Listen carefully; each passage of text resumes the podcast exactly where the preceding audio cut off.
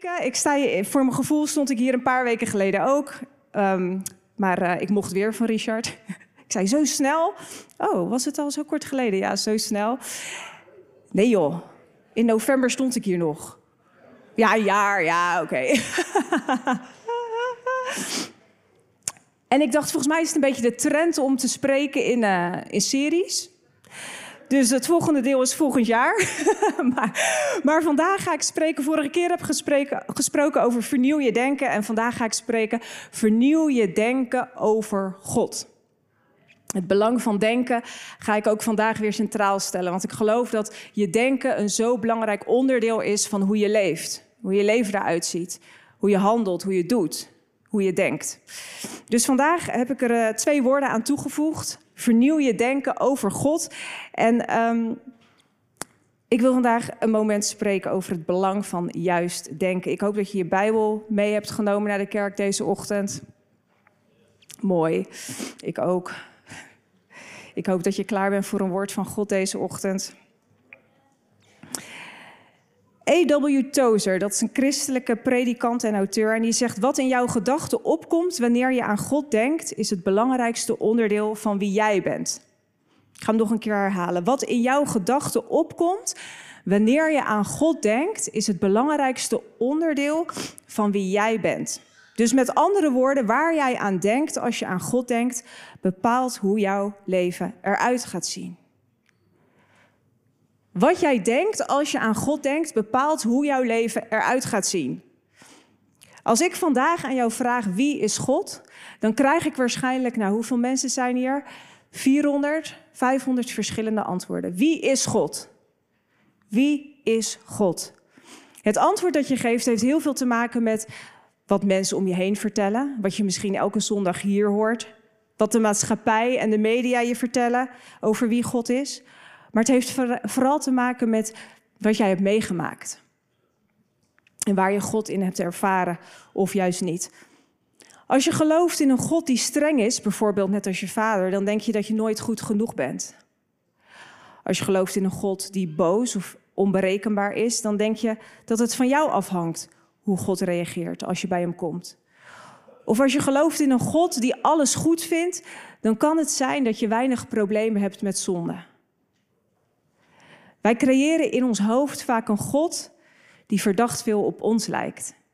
Herken je dat? Jij vindt iets niet goed, dus je denkt dat God dat ook niet vindt. Of jij vindt iets wel goed, dus je denkt dat God dat ook vindt. In de Bijbel staat: God schiep de mens naar zijn evenbeeld. Maar is het stiekem niet zo dat heel vaak de mens God schaapt naar zijn evenbeeld? En daarom is het beeld dat wij hebben van God heel cruciaal voor het leven dat wij hebben, voor het leven dat wij leiden. En als er één plek is waar we werkelijk kunnen zien wie God is, dan is dat in de Bijbel. Dus ook vandaag ga ik de Bijbel openen op zoek naar het karakter van God. Maar ik ga eerst even mijn neus snuiten. Anders ben ik straks een half uur dit aan doen. Heb ik namelijk wel eens gehad. Toen keek ik livestream terug en dacht ik, nee, niet oké. Moment. Vandaag wil ik met jullie gaan kijken naar het verhaal Jona. Dus zoek alvast met mij op. Jona in het Oude Testament. We gaan op zoek, we gaan duiken in het verhaal Jona. Jona is een van de profeten en vind je in het Oude Testament. We gaan op zoek naar het karakter van God in het boek Jona. En ik vind het zo mooi. Er wordt niet zo heel vaak over Jona gesproken. Tenminste, ik kan me niet herinneren dat ik een preek over Jona heb gehoord. Maar Jona is natuurlijk een ontzettend beeldend verhaal. Als je kijkt naar de kinderverhalen, dan wordt er heel vaak gesproken over Jona. Want Jona kennen we natuurlijk allemaal van de grote vis. En een beetje koppige profeet die niet deed wat, uh, wat hij eigenlijk zou moeten doen.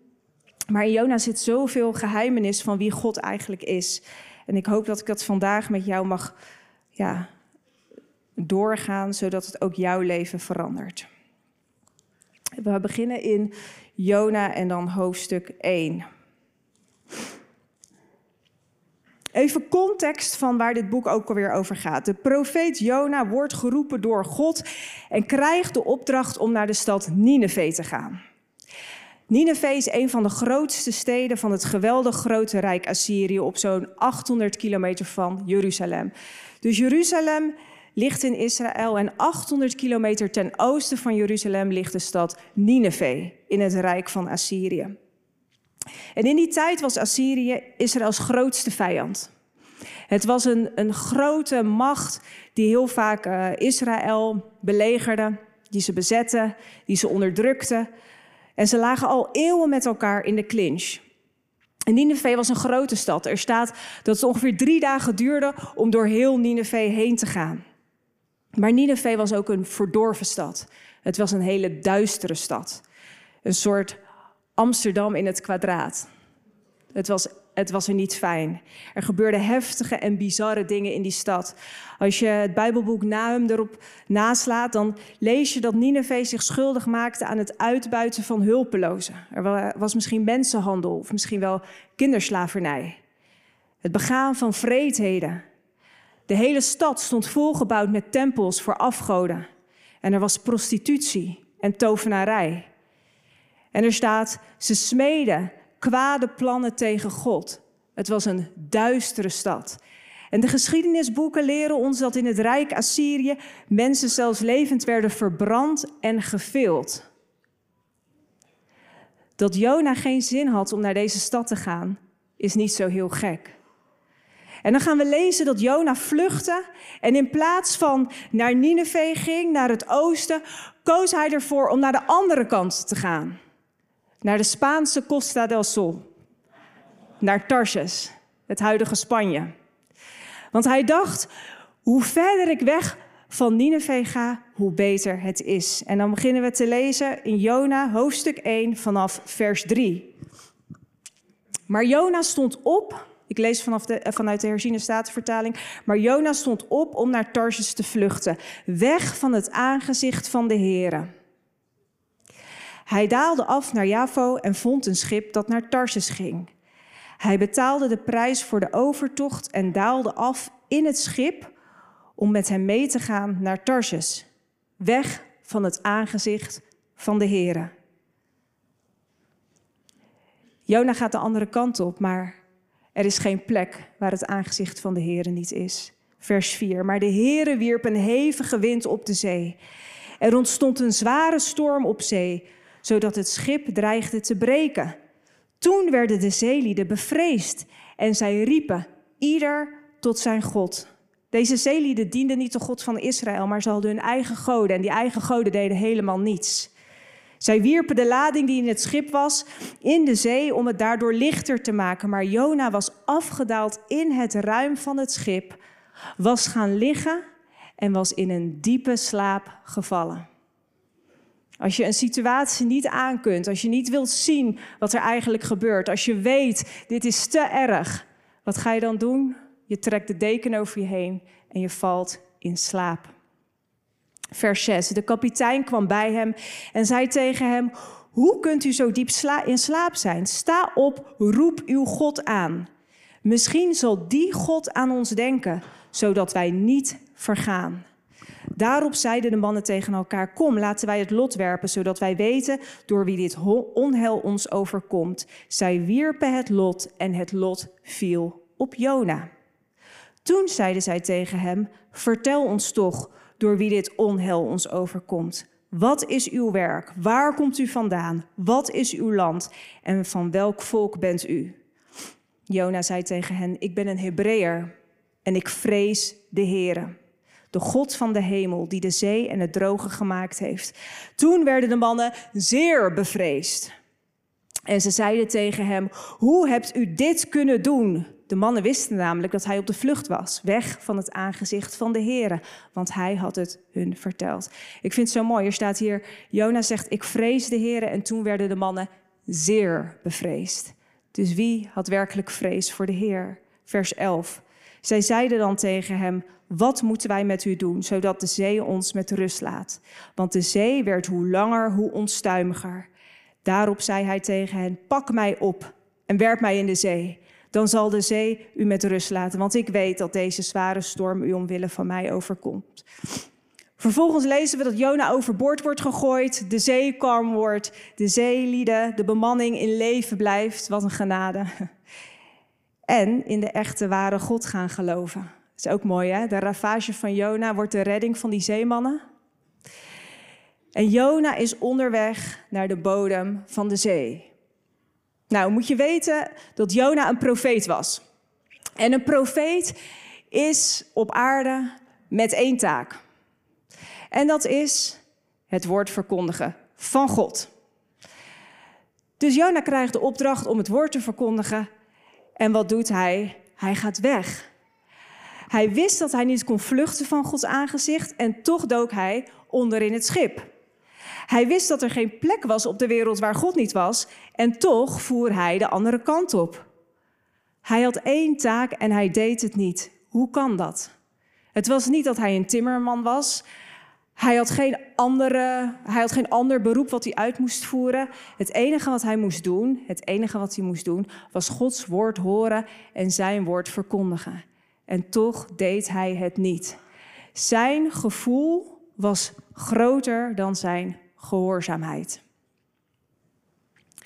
Soms kiezen we ervoor om te luisteren naar ons gevoel in plaats van te volgen in gehoorzaamheid. Je weet dat je de keuze voor die partner niet moet maken, maar het vooruitzicht van alleen zijn is te erg. En je loopt weg van je bestemming. Je weet dat je beter niet kan toegeven aan je verslaving, maar de harde en pijnlijke weg naar openheid voelt als onmogelijk. Dus je loopt weg van je bestemming. Je weet dat God je heeft geroepen om mee te bouwen aan de lokale kerk, maar je verbergt je omdat je bang bent dat wanneer mensen je echt zien en je leren kennen, je beschaamd zal worden, dus je loopt weg van je bestemming. Je weet dat God heeft gesproken om naar Nineveh te gaan, maar je verbergt je in het ruim naar Tarsjes. Je loopt weg van je bestemming. En vandaag wil ik tegen jou zeggen, als dit jouw situatie is, het is niet te laat. Je hebt de boot niet gemist. Je hebt de boot niet gemist. Ook al was Jona nog zo ongehoorzaam, God was niet klaar met hem. De eerste karaktereigenschap die we hier zien van God is dat hij een geduldig God is. God is geduldig. Daar waar Jona zichzelf had opgegeven, hij zei: Werp me maar in de zee, ik sterf wel, gaf God hem niet op. Daar waar hij door zijn eigen schuld in een storm terecht was gekomen, geeft God hem niet op. Wat voor stoms jij ook hebt gedaan, hoe het ook door je eigen schuld komt, dat je nu in deze situatie zit, zegt God: Ik geef jou niet op.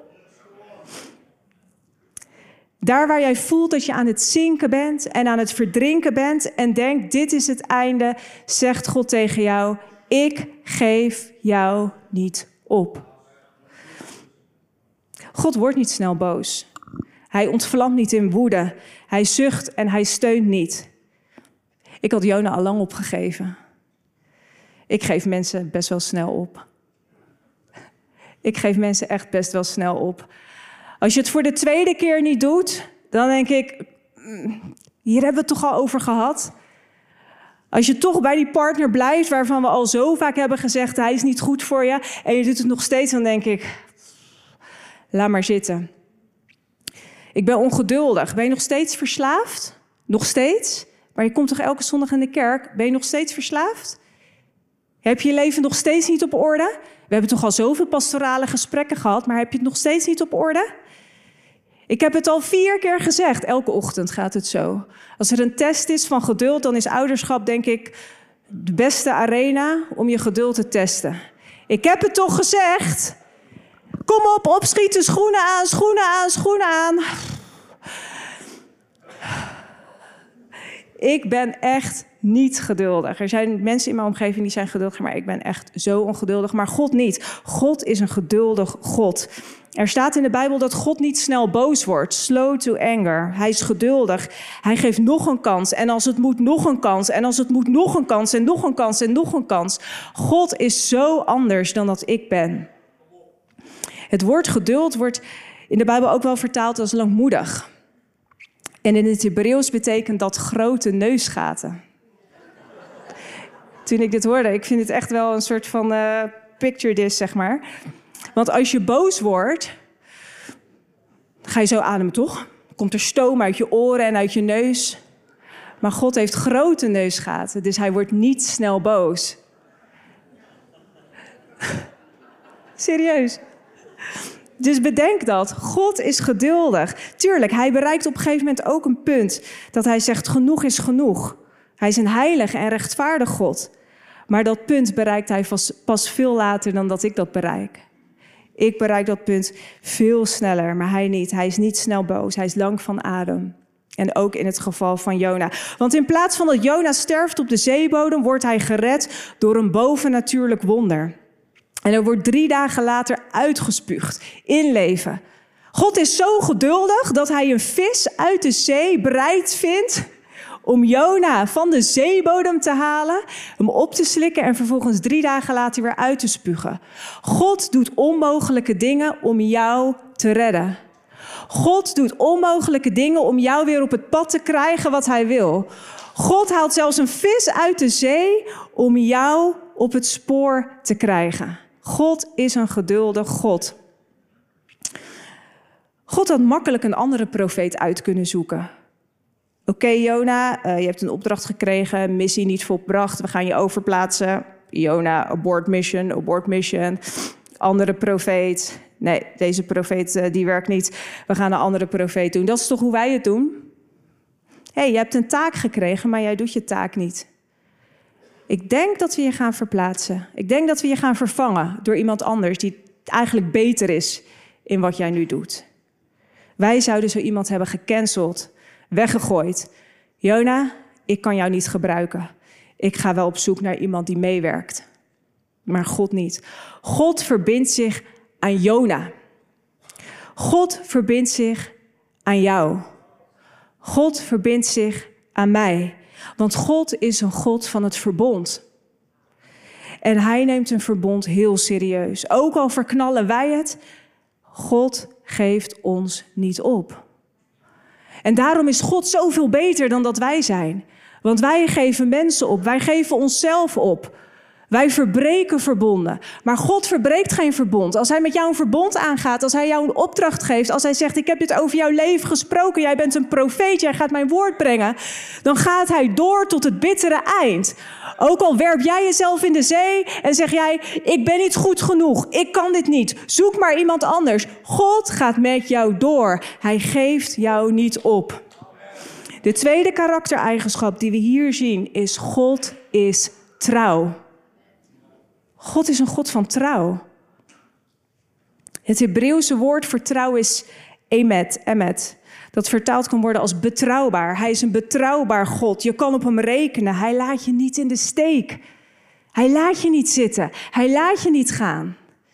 Ook al ben je aan het, aan het verdrinken in de zee, hij laat je niet gaan. Want hij is trouw en hij is betrouwbaar. We leven in een tijd en maatschappij waar je opgeeft als het moeilijk is. Je werk, je kerk, je vriendschappen, je huwelijk. Maar God niet. Hij is trouw en hij blijft en hij verbindt zich aan Jona. God is niet taakgericht, maar hij is relatiegericht. Hij geeft, jou, hij geeft jou niet op. Hij gaat gewoon door met zijn plan. We zijn wel eens bang dat wij, als wij, als wij dit doen, dat God denkt: oké, jij doet dit, dan ga ik een ander plan volgen. Oké, jij, jij gaat die kant op, dan ga ik een ander plan volgen. Want ja, ik, ik, wil, dat je, ik dat je naar Nineveh gaat en nu ga je naar Tarsus en dat werkt niet. Dus uh, Nahum, je wordt geroepen, je moet naar Nineveh. Ik weet trouwens niet of ze in dezelfde tijd leefden. Maar je snapt hem. Zou toch hetzelfde zijn als met het profetenteam?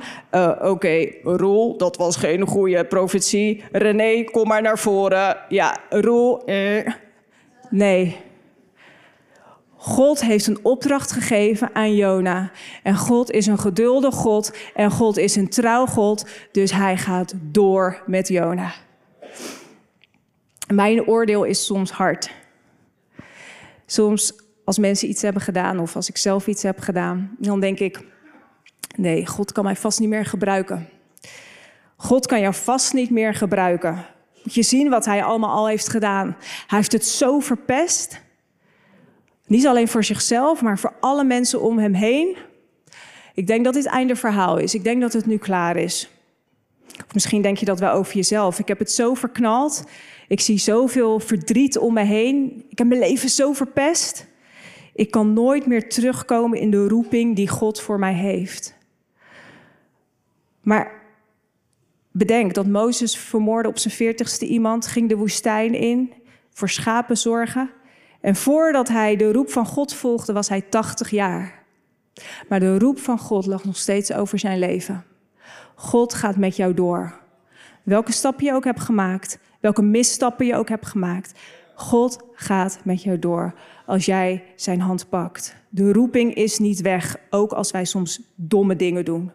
En daarom spreekt God nog een keer tot Jona, wanneer hij uitgespuugd is door de vis. We gaan verder lezen in Jona hoofdstuk 3. Jona hoofdstuk 3 vanaf vers 1. Het woord van de Heere kwam voor de tweede keer tot Jona.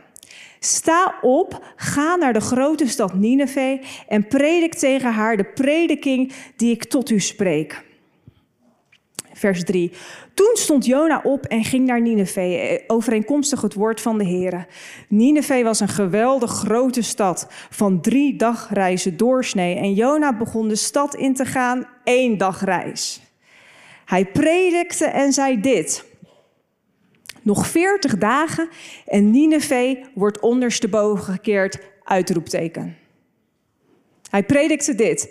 Nog veertig dagen en Nineveh wordt ondersteboven gekeerd. De mensen van Nineveh geloofden in God. Ze riepen een vaste uit en trokken rouwgewaden aan, van de grootste tot de kleinste onder hen. Oké, dus eerst geeft hij zijn leven. Hij wil absoluut niet naar Nineveh gaan. Hij gaat nog liever dood dan dat hij naar Nineveh gaat. Vervolgens roept de Heer hem nog een keer. Daar moet iets bovennatuurlijk zijn gebeurd. Hij krijgt één zin om te prediken. Hij predikt één zin. En die hele verdorven stad komt tot God. Hij predikt één zin. Nog veertig dagen en Nineveh wordt ondersteboven gekeerd. Dit zegt mij dat God alleen jouw beschikbaarheid nodig heeft. En dat Hij er kracht aan verleent. God heeft alleen nodig dat jij zegt, ik ga. En de rest doet Hij. Dit is geen zevendaagse campagne met toeters en bellen. Dit is geen lastige boodschap of een omhaal van woorden. Dit is geen sugarcoating, mooier maken dan dat het is. Dit is één zin. Beschikbaarheid leidt naar bestemming. Ben jij beschikbaar voor God? De hele stad onder leiding van de koning trok hun rouwgewaad aan, toonde berouw en bekeerde zich van hun slechte weg. En toen zag God wat zij deden, dat zij zich bekeerden van hun slechte weg. En God kreeg berouw over het kwade dat hij gezegd had hun te zullen aandoen. En hij deed het niet. Hij deed het niet. Hij deed het niet. Hij is beter dan we denken. God is beter dan we denken. Ik vind het zo boeiend, hè? want als ik deze zin lees, die Jona predikte. Nog 40 dagen en Nineveh wordt ondersteboven gekeerd. Dan denk ik, dit is, een, dit is een preek van oordeel.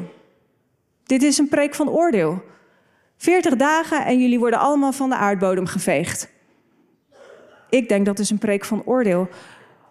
Maar de mensen in Nineveh hoorden geen boodschap van oordeel, maar een boodschap van liefde. Romeinen 2, vers 4. De goede tierenheid van God leidt tot bekering. Dit is geen boodschap van oordeel, maar dit is een boodschap van liefde. Dit is een boodschap van standvastige, onfeilbare liefde. Een liefde waar je niets aan toe kan voegen. Een liefde die niet verandert. Deze liefde leidt tot bekering. Dat is bijzonder, toch? Wij denken dat dit een boodschap is van oordeel. Van, eh, pas op. Maar de mensen van Nineveh hoorden door deze boodschap heen liefde. Dat is hetzelfde als een ouderliefde. Weet je, ik laat mijn kinderen ook niet alles doen omdat ik te veel van ze hou. Als Ben je altijd alles maar mag doen. Als hij zoveel schermtijd krijgt als dat hij wil. Als hij alles mag eten wat hij wil. Als hij overal naartoe mag gaan wat hij wil, is dat liefde? Nee. Ik bescherm hem door grenzen aan te geven. Ik hou van hem door te zeggen: dit mag wel en dit mag niet. En deze boodschap die Jona bracht in Nineveh is eigenlijk precies hetzelfde. Ik heb dit plan niet voor jullie. Ik heb geen plan van duisternis voor jou. Ik wil je niet zien verdrinken in duisternis, Nineveh. Ik wil je niet zien vergaan in al deze verschrikkelijke dingen, Nineveh. Ik hou zoveel van jullie dat ik zeg: stop ermee. Stop ermee. God houdt te veel van ons om ons te laten zoals we zijn. Hij had een plan met de bewoners van Nineveh. Bekeer je, anders is het genoeg. En op het moment dat ze deze vanuit liefde gevulde woorden horen, staat er: zij bekeerden zich van hun slechte wegen. Zij bekeerden zich van hun slechte wegen.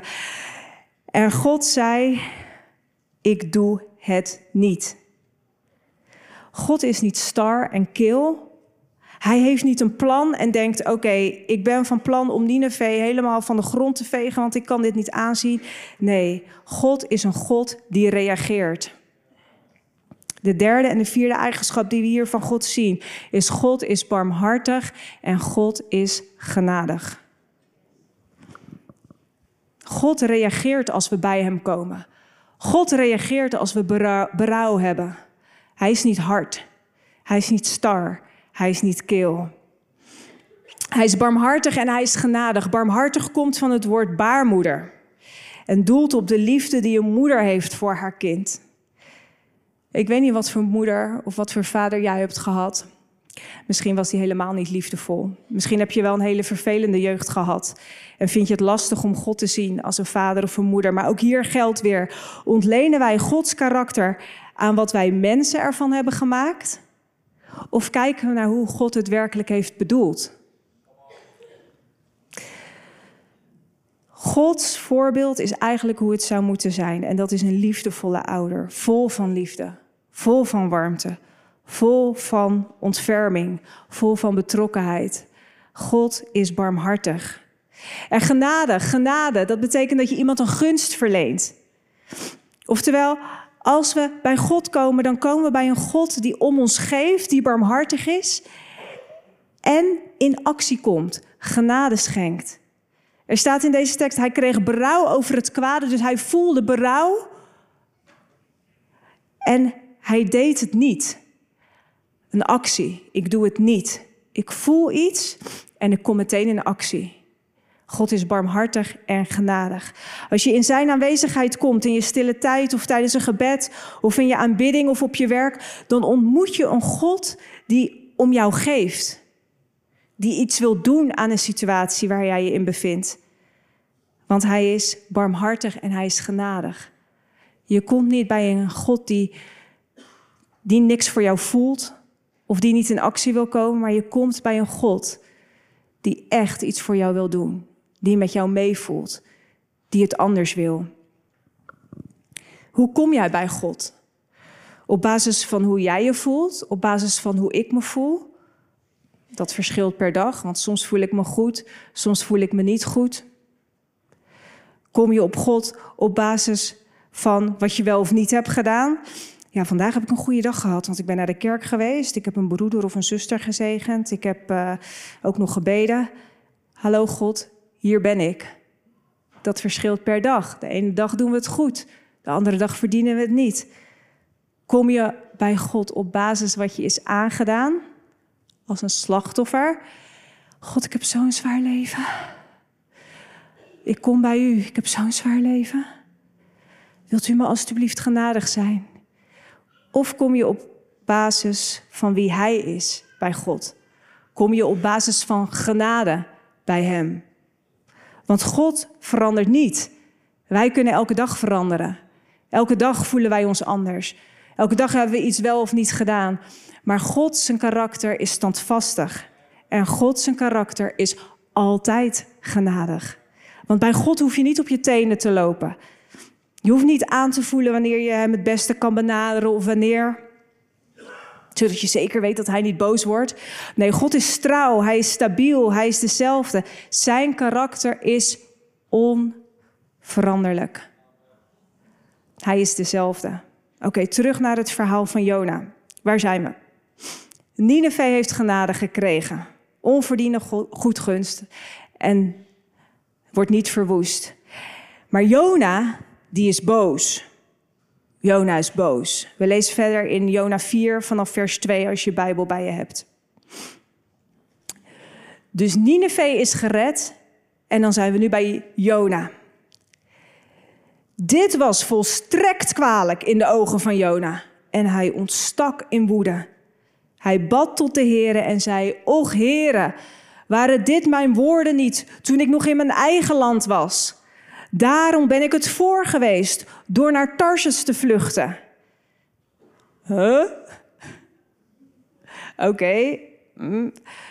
Eh, je zou denken dat dit verhaal uh, is afgelopen.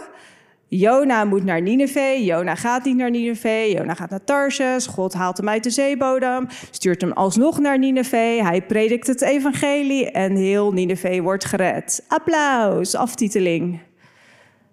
Dat is toch hoe het verhaal zou moeten gaan. Maar in plaats daarvan wordt Jona woedend. Woedend op God. Plot twist. Want hier komt de spreekwoordelijke aap uit de mouw. Waarom wordt Jona woedend op God? Omdat God liefdevol en genadig is voor de vijand. God is liefdevol en genadig voor de vijand. God is niet alleen genadig voor ons, maar hij is genadig voor iedereen. Hij is genadig voor de mensen die jou pijn hebben gedaan. Hij is genadig voor iedereen die berouw toont en terugkeert naar God. Iedereen die berouw toont en terugkeert naar God, vindt een genadige God. Die ouder die je heeft laten stikken. Die baas die jou het leven zuur maakt. Die voorganger die er een puinhoop van heeft gemaakt. Het familielid dat jou misbruikt heeft. En dat doet pijn. Want we willen graag genade voor onszelf en gerechtigheid voor de ander. Ja, Jezus, genade, genade, genade. Maar wat als die genade ook is voor degene die jou zoveel pijn heeft gedaan? Het is precies dezelfde genade.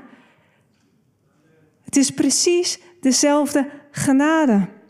We vinden het geweldig als God liefdevol is en genade is, genadig is voor ons of voor onze vrienden of voor de mensen waar we wel van houden.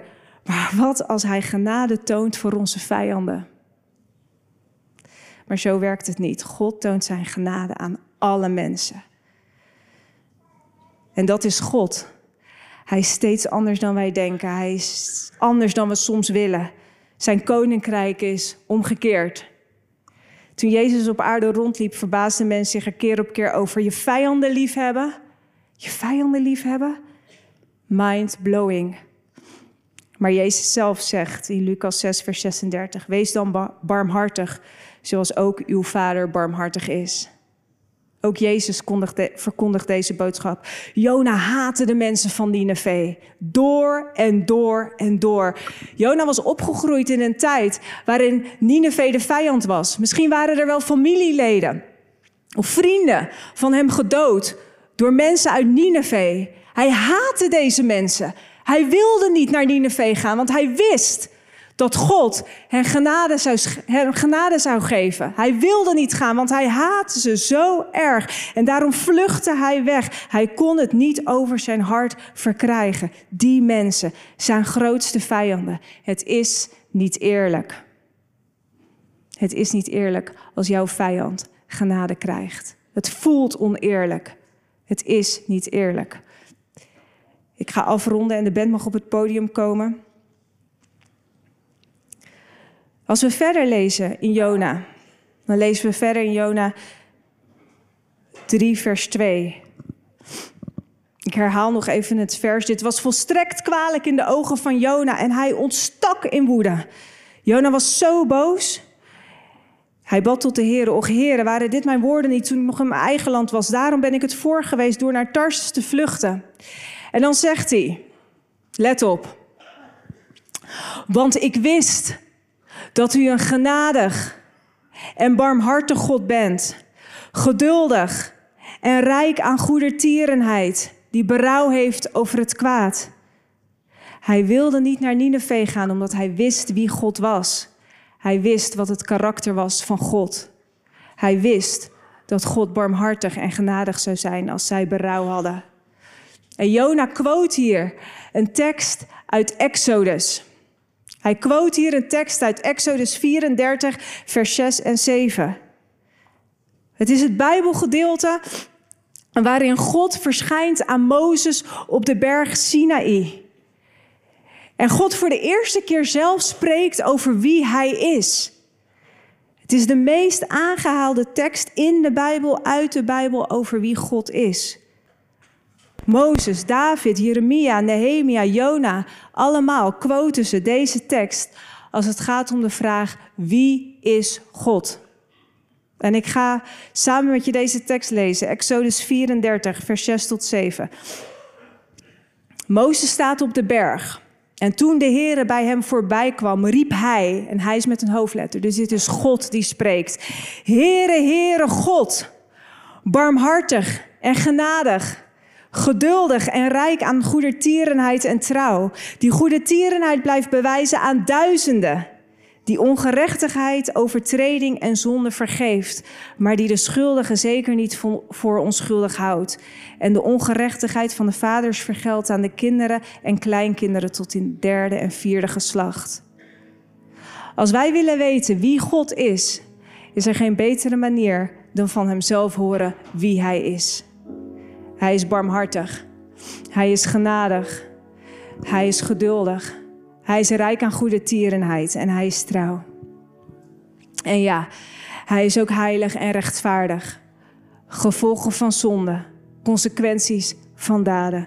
Maar wanneer er gekozen moet worden tussen rechtvaardigheid en genade, dan helpt de weegschaal altijd over naar genade. Aan duizenden bewijst hij dat. Jacobus 2, vers 13. En de barmhartigheid triomfeert over het oordeel. En dat is waarom hij zijn eigen zoon liet sterven. Exodus 34 is het Oude Testament. Het verbond dat God met Mozes sloot en met het volk van Israël.